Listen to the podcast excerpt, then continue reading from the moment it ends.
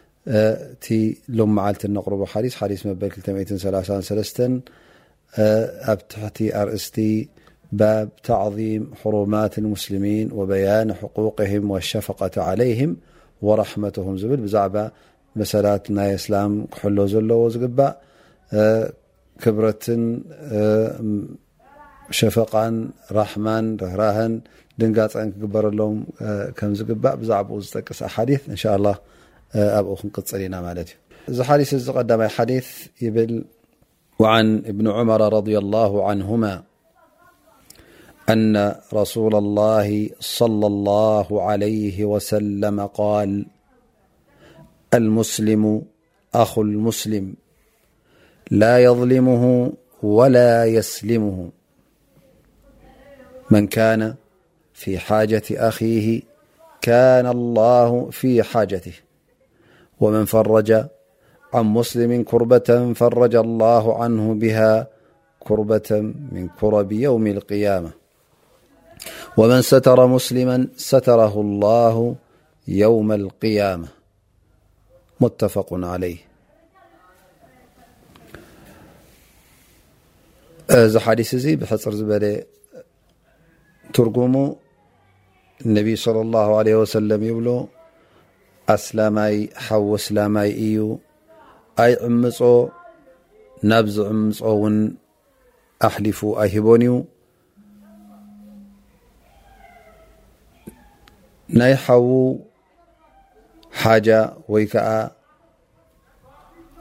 ገለ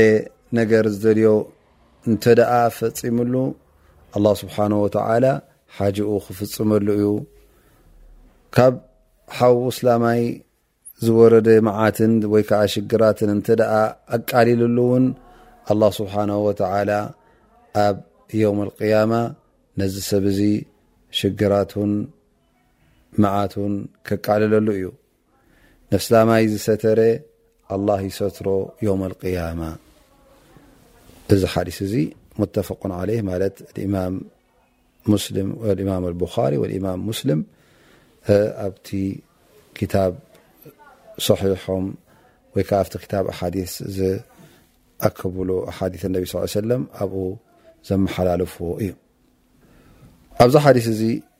እነቢ صለ ላه ለ ወሰለም እታ መጀመርያ ነጥቢ ወይ ከዓ እታ ቐንዲ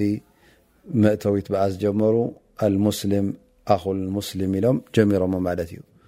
ማለት እዚ ሕውነት እዚ ኣስላማይ ሓዊ ስላማይ እዩ ክብሉና ከለዉ ማለት ኣብ ዲን እዩ ዝሕውነት እዚ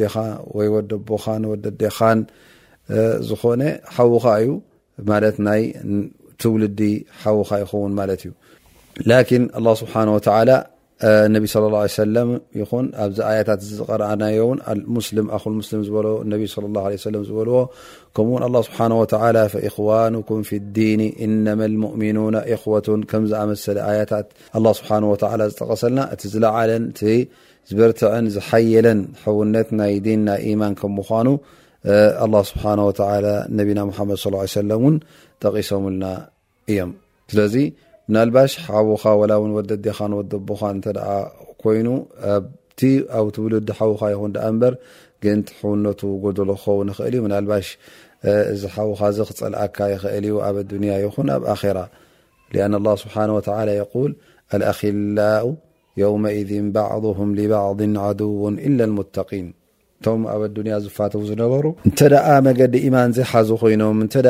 መገዲ ሓቂ ዘይፈልጡ እተ ኮይኖም ኣብቲ ዮም ቅያማ ነንሕዶም ክፀላሉ እዮም ነንሕዶም ክፃረፉ እዮም ነንሕዶም ውን ኣብቲ መዓልቲ እቲ ግልፅ ኣይክብሉን እዮም ምክንያቱ እዞም ሰባት እዚኦም እቲ ሕውነቶም ዝነበረ ናብ ጀና ስለ ዘየእተዎም ንጀሃንም ስለ ዝወሰዶም ነንሕድሕዶም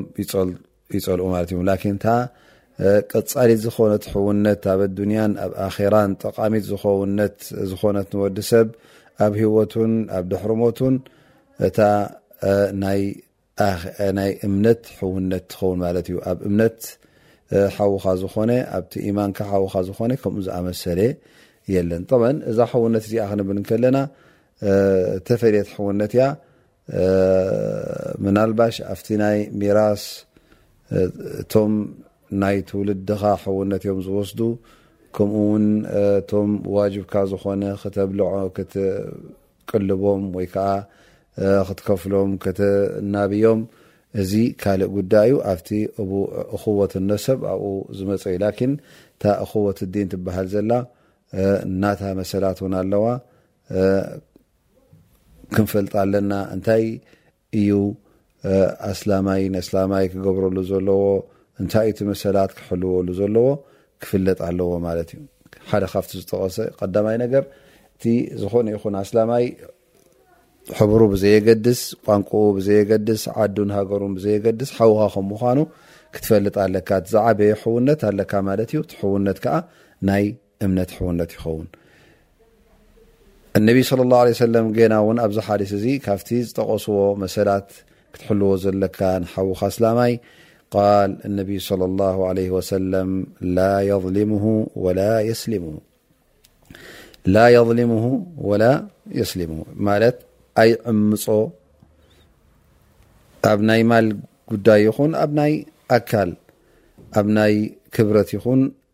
ኣብ ዝኾነ ይኹን ኣብ ስድርኡ ይኹን ኣብ ዝኾነ ይኹን ነገርሲ ኣይዕምፆን እዩ ንእስላማይ ንእስላማይ ፈፂሙ ክዕምፆ ኣይርከብን እዩ ፈላ የظሊሙሁ ብኣይ ነውዒን ምን ኣንዋዕ ظሉም ዝኾነ ይኹን ዓይነት ናይ ዓመፅ ስጉምቲ ኣንፃሩ ክወስድ የብሉን እንተ ደዓ ዓሚፅዎ እዚ ዓብ ገበል ይኸውን ኣይኮነን ንእስላማይ ዋላ ውን ዘይ እስላማዊን ኣይትዕምፅን ኢኻ ግን ብሕልፊ ንእስላማይ እዚ ነገር እዚ እዚ ዓመፅ እዚ ክትጥንቀቀሉ ኣለካ ማለት እዩ ወላ የስሊሙሁ ላ የስሊሙሁ ማለት ናብ ዝዕምፆ እውን ኣሕሊፉ ኣይህቦን እዩ እንታይ ደኣ ይከላኸለሉ ማለት እዩ ዩዳፊዑ ዓንሁ ወያሕሚሂ ምን ሸር ኢዘን ክልተ ነገር ከማልእ ኣለዎ ማለት እዩ ንሱ ኣይዕምፆ ማለት ስኻ ይትዕምፅ ናብ ዝዕምፆን ናብ ዝጎድኦን እውን ኣሕሊፍካ ኣይትህቦን ኢኻ እንታይ ደኣ ትከላኸለሉ ኣለካ ማለት እዩ በል ዩዳፊ ዓን ስለዚ ዕለማ እውን ይብሉ ኣስላማይ ነስላማይ ወላ ኣብቲ ክብረቱን ኣብ ማሉን ኣብ ዝኾነ ይኹን ነገራቱን እንተ ክዕመፅ ርኢኻዮ እንተ መሰሉ ክገሃስ ርኢኻዮ ክትከላኸለሉ ኣለካ ይብሉ ማለት እዩ ሓደ ሰብ ወላ እንተ ክፀርፎ ሰሚዕካ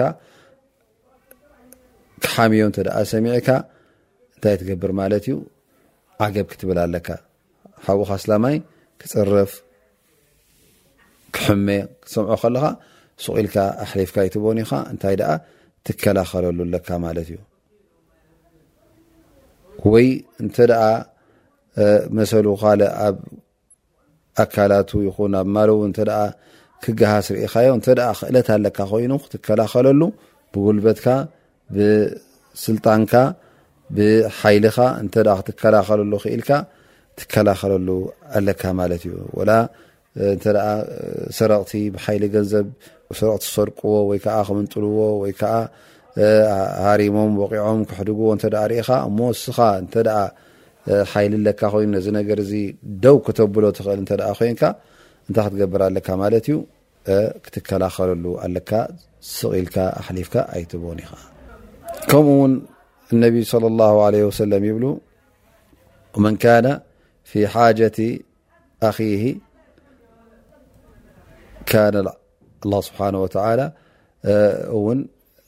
ኣብ ሓጃኻ ይኸውን ማለት እዩ እንታይ እዚ ዓይነት እዚ እንተ ሓጃ ክበሃል እንከሎ ኣድላይ ነገር ንዕኡ ገለ ጎዲልዎ ገለ ስኢኑ ገለ ተሸጊሩ መን ካነ ፊ ሓጀት ኣኺ ካነ ላሁ ፊ ሓጀት ነዚ ሓውካ ኢልካ እንተ ዘድልዮ ነገር ፈፂምካሉ ንስ ክገብራ ዘይክእል ኮይኑ ንስኻ ሕጂ ኣላ ስብሓን ወተላ እውን ኣብሽር ሓጃኻ ክምልኣልካ እዩ እታ ድልየትካ ክምልኣልካ እዩ ማለት እዩ ምክንያቱ ንስኻ ነዚ ባርያ ኣላ ካብ ደገፍካ እሞ ኣላ ስብሓን ወተላ ከምቲ ኣብ ቁርን ዝበሎ ጀዛእን ዊፋቃ ኣላ ስብሓን ወተላ ክጃዝየካ እዩ ከምታ ዝገበርካያ ማለት እዩ እታ ዓስብኻ ኣይክትስእናን ኢኻ እታ ኢድካ ኣይክትስእናን ኢኻ ስለዚ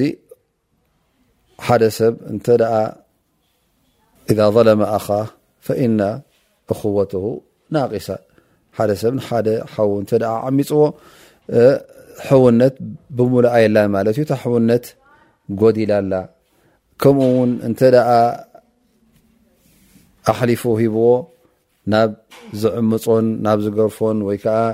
ናብ ሕማቕ ዝገብሮን እስኻ እቲ ሕውነት እውን ጌና ኣይመለአትን ኣላ ማለት እዩ ስለዚ እቲ ሙሉእ ሕውነት ናይ ብሓቂ ሕውነት ክርከብ እንተ ኮይኑ እስኻ ኣይትዕምጾ ናብ ዝዕምጾ እውን ኣሕሊፍካ ኣይትህቦን ኢኻ ማለት እዩ ከምኡ ውን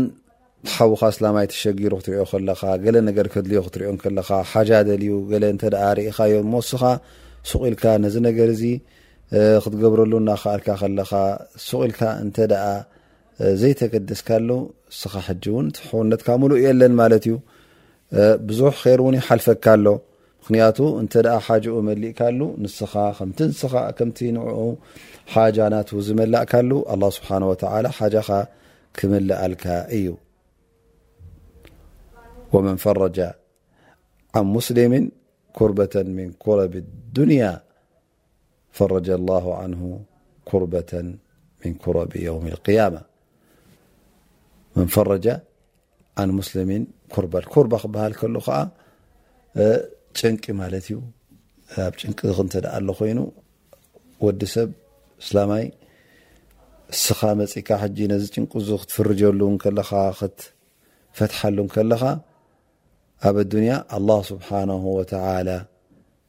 እቲ የውመል ቂያማ ዝርከብ ጭንቅታት ከጓነፈካ ከሎ ኣላህ ስብሓነሁ ወተዓላ ካብቲ ጭንቅኻ ከድሕነካ እዩ ክፍርጀልካ እዩ ስለዚ ኩርባ ክበሃል ከሎ እቲ ዓቕልኻ ዘጻብብ ዘሸግር ዘጨንቕ ነገር ይኸውን ማለት እዩ ኩርባ ኣሎ ክበሃል እንከሎ ኣብ ጭንቂ ኣሎ ክበሃል እንከሎ እዚ ሰብ እዚ ሃምን ምን ክወርዶ ከሎ ማለት እዩ እቲ ሃም ንገዛእ ርእሱ እንታይ ከም ትገብር ኣይትፈልጥ ፅቡቅ ጌርካ ከተሓስብ ኣይትኽእል ኩሉ ዓለም ኣብ ርእሴኻ ተደርዲሩ ዘሎ ዝመስለካ ኣብዚ ከምዚ ክትበጽሕ እንከለኻ እቲ ሓውኻ ኣስላማይ መጽዩ ነዚ ኩርባ እዚ ነዚ ወሪዱካ ዘሎ ሽግር ነዚ ወሪዱካ ዘሎ መዓት ከቃልለልካ ከሎ እዚ ንህልካ ደኣሲ ኣብ ዮም ኣልቅያማ ደረጃ ናቱ ዓብይ እዩ ኣላ ስብሓን ወተዓላ ካብቲ ናይ ቅያማ ዘሎ ሽግራትን ጭንቅታትን የጉዱለልካ ማለት እዩ ወዲ ሰብ ኣብ ኣዱንያ ዘጓንፎ መቸም ምናልባሽ ጭንቁ ማላዎ ጭንቂ ክኸውን ይኽእል እዩ እሞ ብገንዘብ እንተ ክእለት ኣለካ ኮይኑ ገንዘብ ሓጊዝካ ካብቲ ወሪድዎ ዘሎ ጭንቅን መዓትን ተውፅኦ ማለት እዩ ወይ ከዓ ሞራላዊ ክኸውን ይኽእል ግዴታ ኣይኮነን ማላዊ እንታይ ደኣ ናይ ሞራል ክኸውን ይኽእል እሞ ነዚ ሰብ እዚ ሞራሉ ከፍ ከተብሎ ከለኻ ሕልንኡ በርትዓሉ ከለኻ ብሰንኪ ወሪድዎ ዘሎ ሕማም ይኹን ብሰንኪ ወሪድዎ ዘሎ ካልእ ዓይነት ሽግራት ሞራሉ ወዲቑ ትረኽቦ ከለኻ እሞ ነዚ ሞራል እዚ ከፍ ኣቢልካ ንላዕሊ ከተልዕለሉ ከለኻ መፅእካ ካብቲ ዝነበሮ ሽግራት ካብቲ ዝወሪድዎ ዝነበረ ዝስምዖ ዝነበረ ሃም ከተውፅኦ ከለኻ እዚ ንገዛእ ርእሱ እውን ሓደ ካብቲ ቀንዲታት ናይ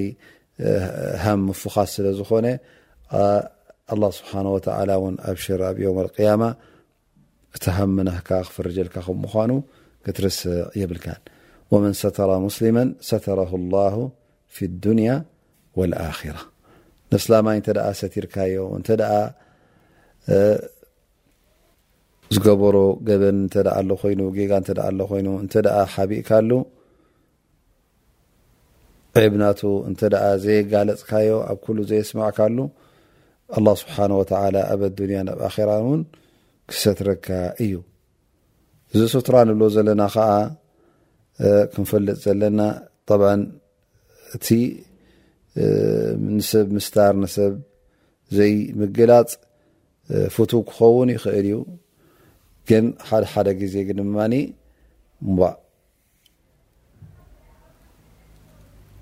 ክትሰትሮ ዘይፍቀድ ውን ክኸውን ይኽእል ማለት እዩ እ ምስታር ንገዛ ርእሱ እውን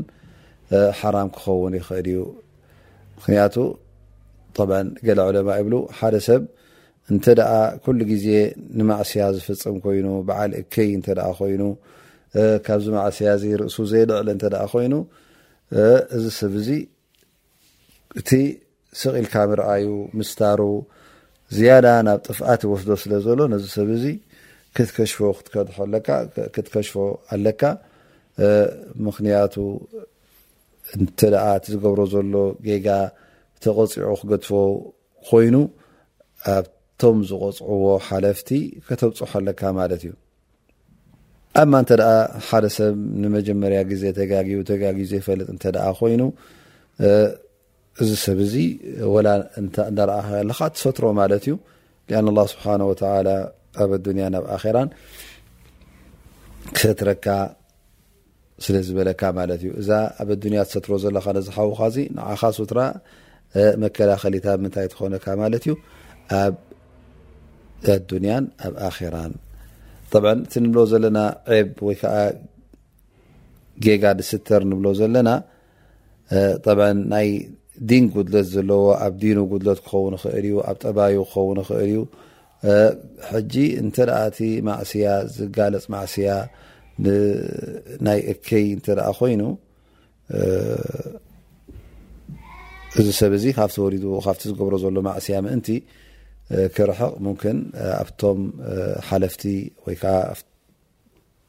ቱ ቤት ፍርዲ እውን ተብፅሖ ማለት እዩ ላኪን እንተ ንኣብነት እዚ ሰብ እዚ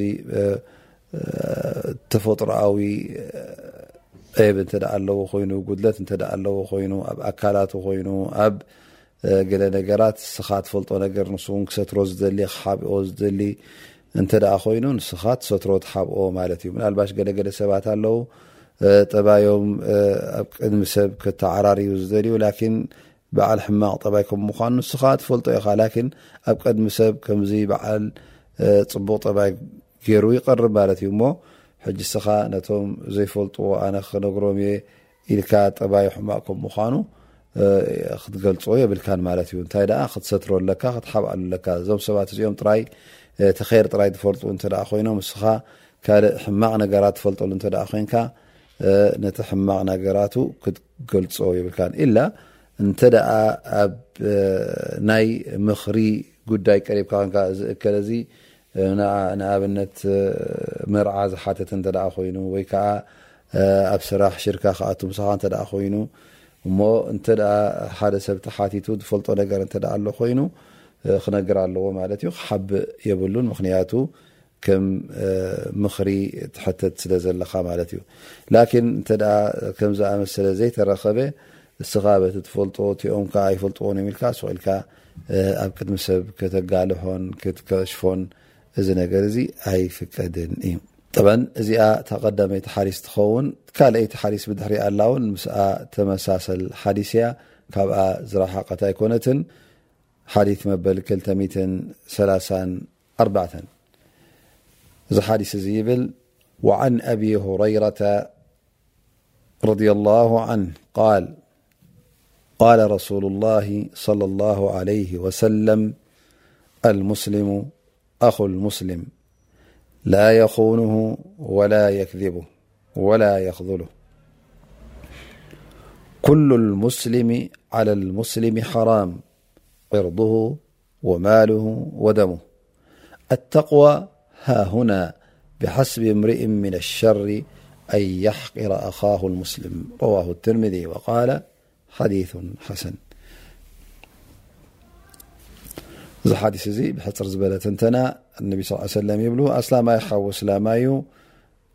ኣይኻይኖን እዩ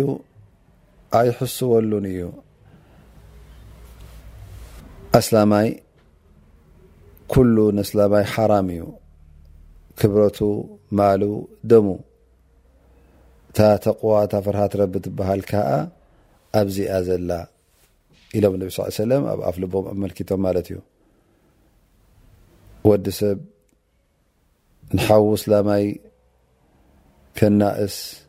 እዚ ንገዛእ ርእሱ ዝኸፍአ እኹል ዝኾነ ክፍኣት እዩ ኢሎም እነቢ ለ ላ ለ ወሰለም እነልካ ኣብዚ ሓዲት እዚ እውን እነቢ ለ ላ ለ ወሰለም ነዛ ሕውነት እዚኣ የረጋግፅዋ ኣለዉ ከምታ ዝጠቐስናያ ሙስሊሙ ኣኹል ሙስሊም ኢሎም ጀሚሮሞ ማለት እዩ ግን ኣብ ርእሲኡ ውን እንታይ ወሲኾም ማለት እዩ ሕጂ ኣብዛ ሓዲስ እዚኣ ሙስሊሙ ኣኹል ሙስሊም ላ የኹኑሁ ወላ የክዚቡ ፈፂሙ ኣይጠልሞን እዩ ሕድሪ እንተ ኢልዎ ሕድሩ ኣይጠልምን እዩ ፈፂምካ ንሓዉካ ኣስላማይ እውን ክትጠልሞ የብልካን ሕድሩ ክትሕልወሉ እዩ ዘለካ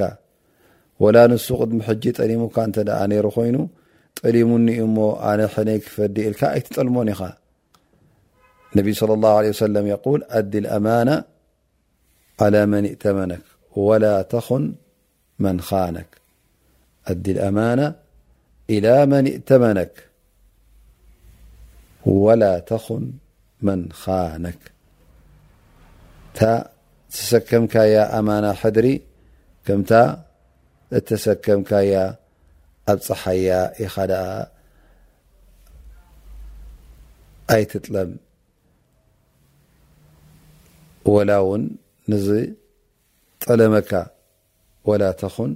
መን ኻንክ ወላ ንዝጠለመካ ክትጠልሞ ኣይፍቀድን እዩ ምስ ንኣብነት እንተ ሓደ ሰብ ኣለቂሕካዮ እሞ ዳሕራይ ኣይተለቃሕኩ ናይ ወሰትኩን ገንዘብ ካባካ ኢሉካ ስኻ ብድሕሪኡ ልቃሕ ካብኡ ተለቂሕካ ከምታ ዝገበረኒ ክፈድዮ ኢልካ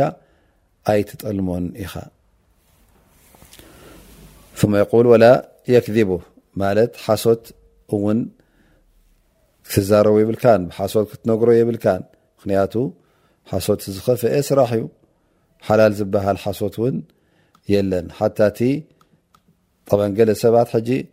ከዝብ ኣብየድ ወከዝብ ኣስወድ ገይሮም ይመቕልዎ ነቲ ሓሶት ሓሶት ሓሶት እዩ ኩሉ ፃዕዳን ፀሊምን የብሉን ፃዕዳ ሓሶት ፀሊም ሓሶት ዝበሃል የለን ስለዚ ካብ ሓሶት ክልክል እዩ ንሓውካ ስላማይ እውን ሓሲኻ ዘይከምውን ነገር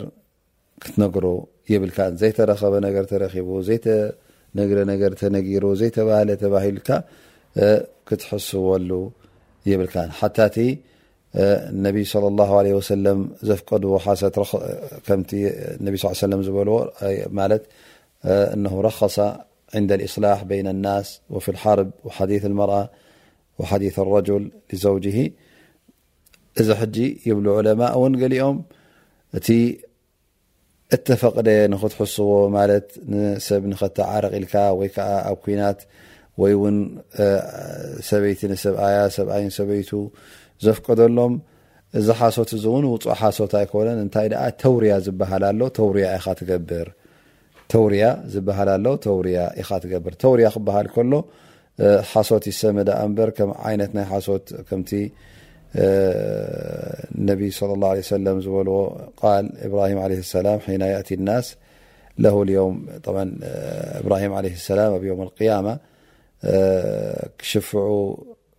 ምስ ሓተትዎም ኣነ ሰለስተ ሓሶት ሓስየ እየ ዝበለ እቲ ሓሶት ዝሓሰዎ ሓሶት ውፁእ ሓሶት ኣይኮነን እነማ እንታይ እዩ ከም ተውርያ እዩ ዝቁፀር ማለት ተውርያ ክበሃል ከሎ ሕጂ እስኻ እቲ ዝብሎ ዘለኻ ሓቂ ይኸውን ግን እስኻ ካልእ ነገር ኢኻ ትብል ዘለኻ እቲ ዝሰምዓካ ዘሎ ድማ ካልእ እዩ ዝርዳእ ዘሎ ማለት እዩ ስለዚ ሕጂ እዚ ዓይነት እዚ እቲ ዝፍቀድ ይብሉ ማለት እዩ ፈህዋ ነው ምነ ተውርያ ክትገብር ኣለካ ማለት እዩ ተውርያ ክበሃል ከሎ ውን እቲ ትዛረቦ ዘለካ ንገዛእ ርእሱ ሓቂ እዩ ላኪን እቲ ዝሰምዓካ ዘሎ ከም ካልእ ጌርካ ትነግሮ ኣለኻ ንሱ ድማ ከም ካልእ ገይሩ እዩ ዝወስዶ ስለዚ በዚ ስም እንታይ ትሰምዩ ማለት እዩ ሓሶት ትሰምዩ ማለት እዩ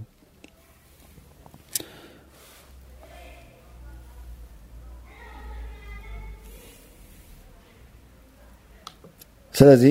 ካብ ሓሶት ኩሉ ግዜ ክቕረብ የብሉን ከምኡ ውን ወላ የክዝልሁ ወላ የሕቂርሁ ማለት ሕጂ ነስላማይ ውን ክተዋርዶን ክተስተናእሶን የብልካን ማለት እዩ ንፅላእ ውን ኣሕሊፍካ ክትህቦ የብልካን ስለዚ እስላማይ ንእስላማይ ብዓይኒ ትዕቢት ኣይርእዮን እዩ ማለት እሱ ትዕቢተኛ ኮይኑ ነቲ ሓዉ ከም ትሑት ገይሩ ኣይርእዮን እዩ ማለት እዩ ሊኣኑ እቲ ክቢር ዝበሃል ንገዛእ ርእሱ እነቢ ስለ ላ ለ ሰለም ካብኡ ኣጠንቂቆምና እዮም ወልኪብሩ በጠሩ ልሓቂ ወቐምጡ ናስ ክብር ክበሃል ከሎ ከዓ ትዕቢት ክበሃል ከሎ ንሰብ ምስትንኣስን ንሓቂ ምንፃግን እዩ ማለት እዩ እተ ሰብ ዝተናእስ ኣለካ ኮይንካ ሓቂ ዘይትቕበል እተ ኮይንካ ሓቂ እናረእካዮ ከለካ ምስ መርትዑኡ እስኻ ትዕቢተኛ ትኸውን ማለት እዩ ስለዚ ኩሉ ግዜ ንሓውካ ስላማይ ብዓይኒ ውርደት ክትሪኦ የብልካ ክስተስተናእሶ የብልካ እንታይ ኣ ከተኽብሮ ኣለካ ማለት እዩ ኣኽብሮ እሱ እውን የኽብረካ ማለት እዩ ንሕድሕድካ ክትከባበር ኣለካ ምክንያቱ እቲ ሓውካ በዓል ኢማን ስለ ዝኾነ እቲ ዝዓበየ ነገር እውን ናይ እምነት ጉዳይ ስለ ዝኾነ በቲ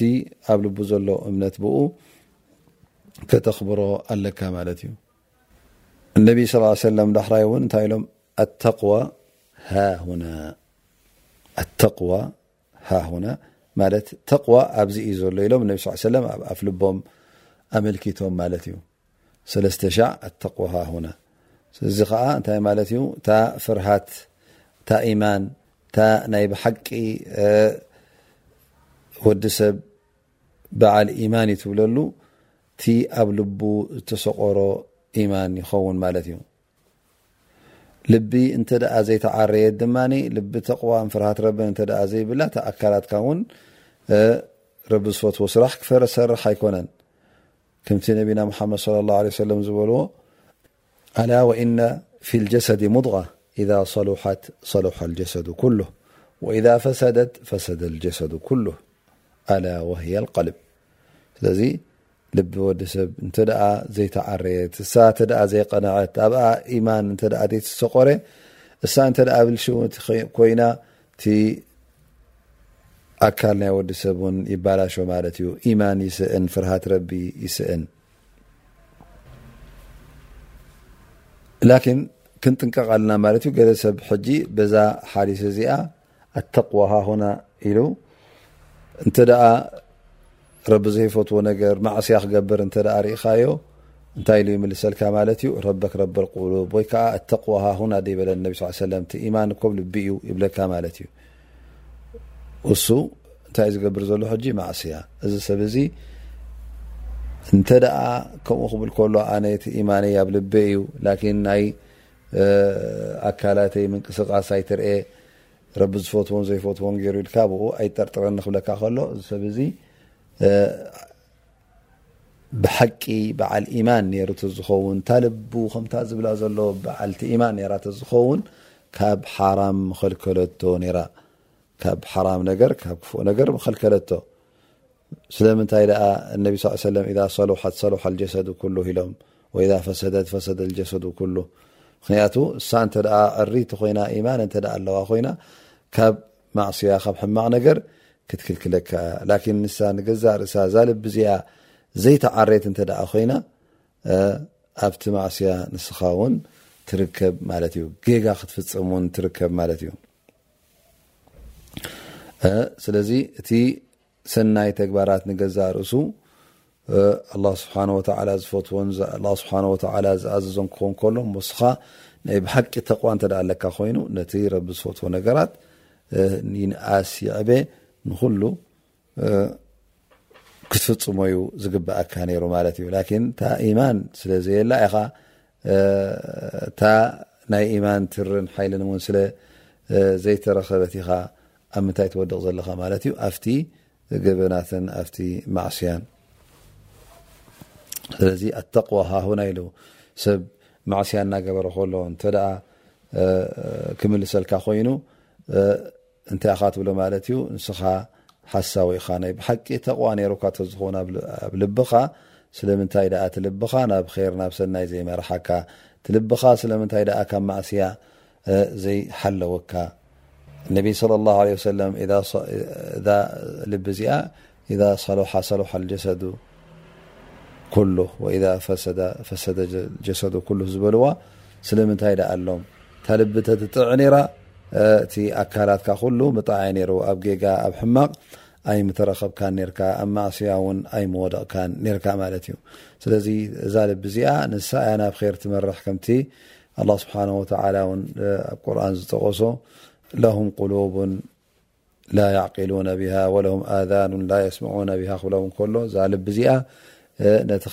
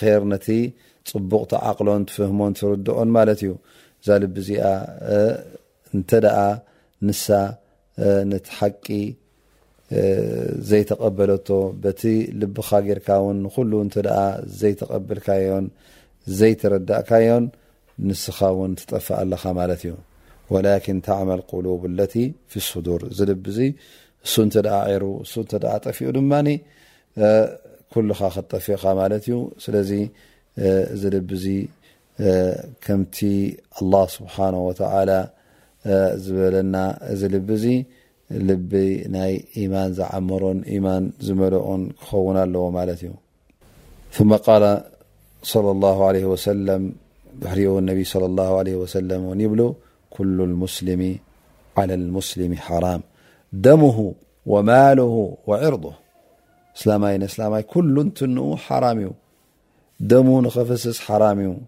ማሉ ንኽወስደሉ ብዘይ ፍቓድ ብዘይ ሕጊ ሓራም እዩ ክብረቱ እውን ንኽጥሕስ ሓራም እዩ ስለዚ ኣብ ደሙ ፈፂምካ ክትቀርብ የብልካን ደሙ ከተፍስስ የብልካን ክትቀትሎ የብልካን ወላ እውን መቑሰልቲ ክትገብረሉ የብልካን ስለዚ እንታይ ኣ ክትብል በንፃሩ እንተ ደኣ ካልኦት ከሸግርዎን ገንዘቡ ክምንጥልዎን ርኢኻ ንስኻ ምስ ክትሓብር እዩ ዘለካ ንስኻ እተ ክእለት ኣለካ ክትሕልዎ ምስ ክትከውን እዩ ዘለካ እበር ኣንፃሩ ክትከውን ወይ ከኣ መጺእካ ንዕኡ ክትሃርም፣ ክትወስድ ገንዘቡ፣ ክትገርፎ፣ ክትጸርፎ፣ ዝኾነ ይኹን ሕማቕ ነገር ንኽትገብሮ ውን የብልካን ማለት እዩ። ስለዚ እስላማይ ነስላማይ ናይ ክብረትን ናይ ሓለዋን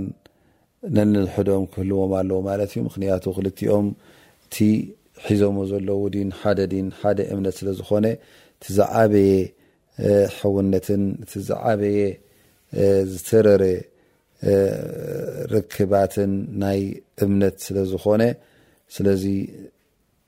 ከም ኣሕዋት እዮም ካብ ኣሕዋት ንላዕሊ ውን ክኾኑ ይኽእሉ እዮም ምኽንያቱ እቲ ኣራኺብዎም ዘሎ ክቡር እምነቶም ክቡር ኢማኖም ስለ ዝኾነ ናይ ሎም መዓልቲ ደርሰና ክቡራት ኣሕዋት ክቡራት ሰማዕትና ዝኸበርክን ተኸታተልትና ውን በዚ ደምደም ኣስኣል ላህ ስብሓን ወተዓላ ኣን የንፋዕና ብማ ሰሚዕና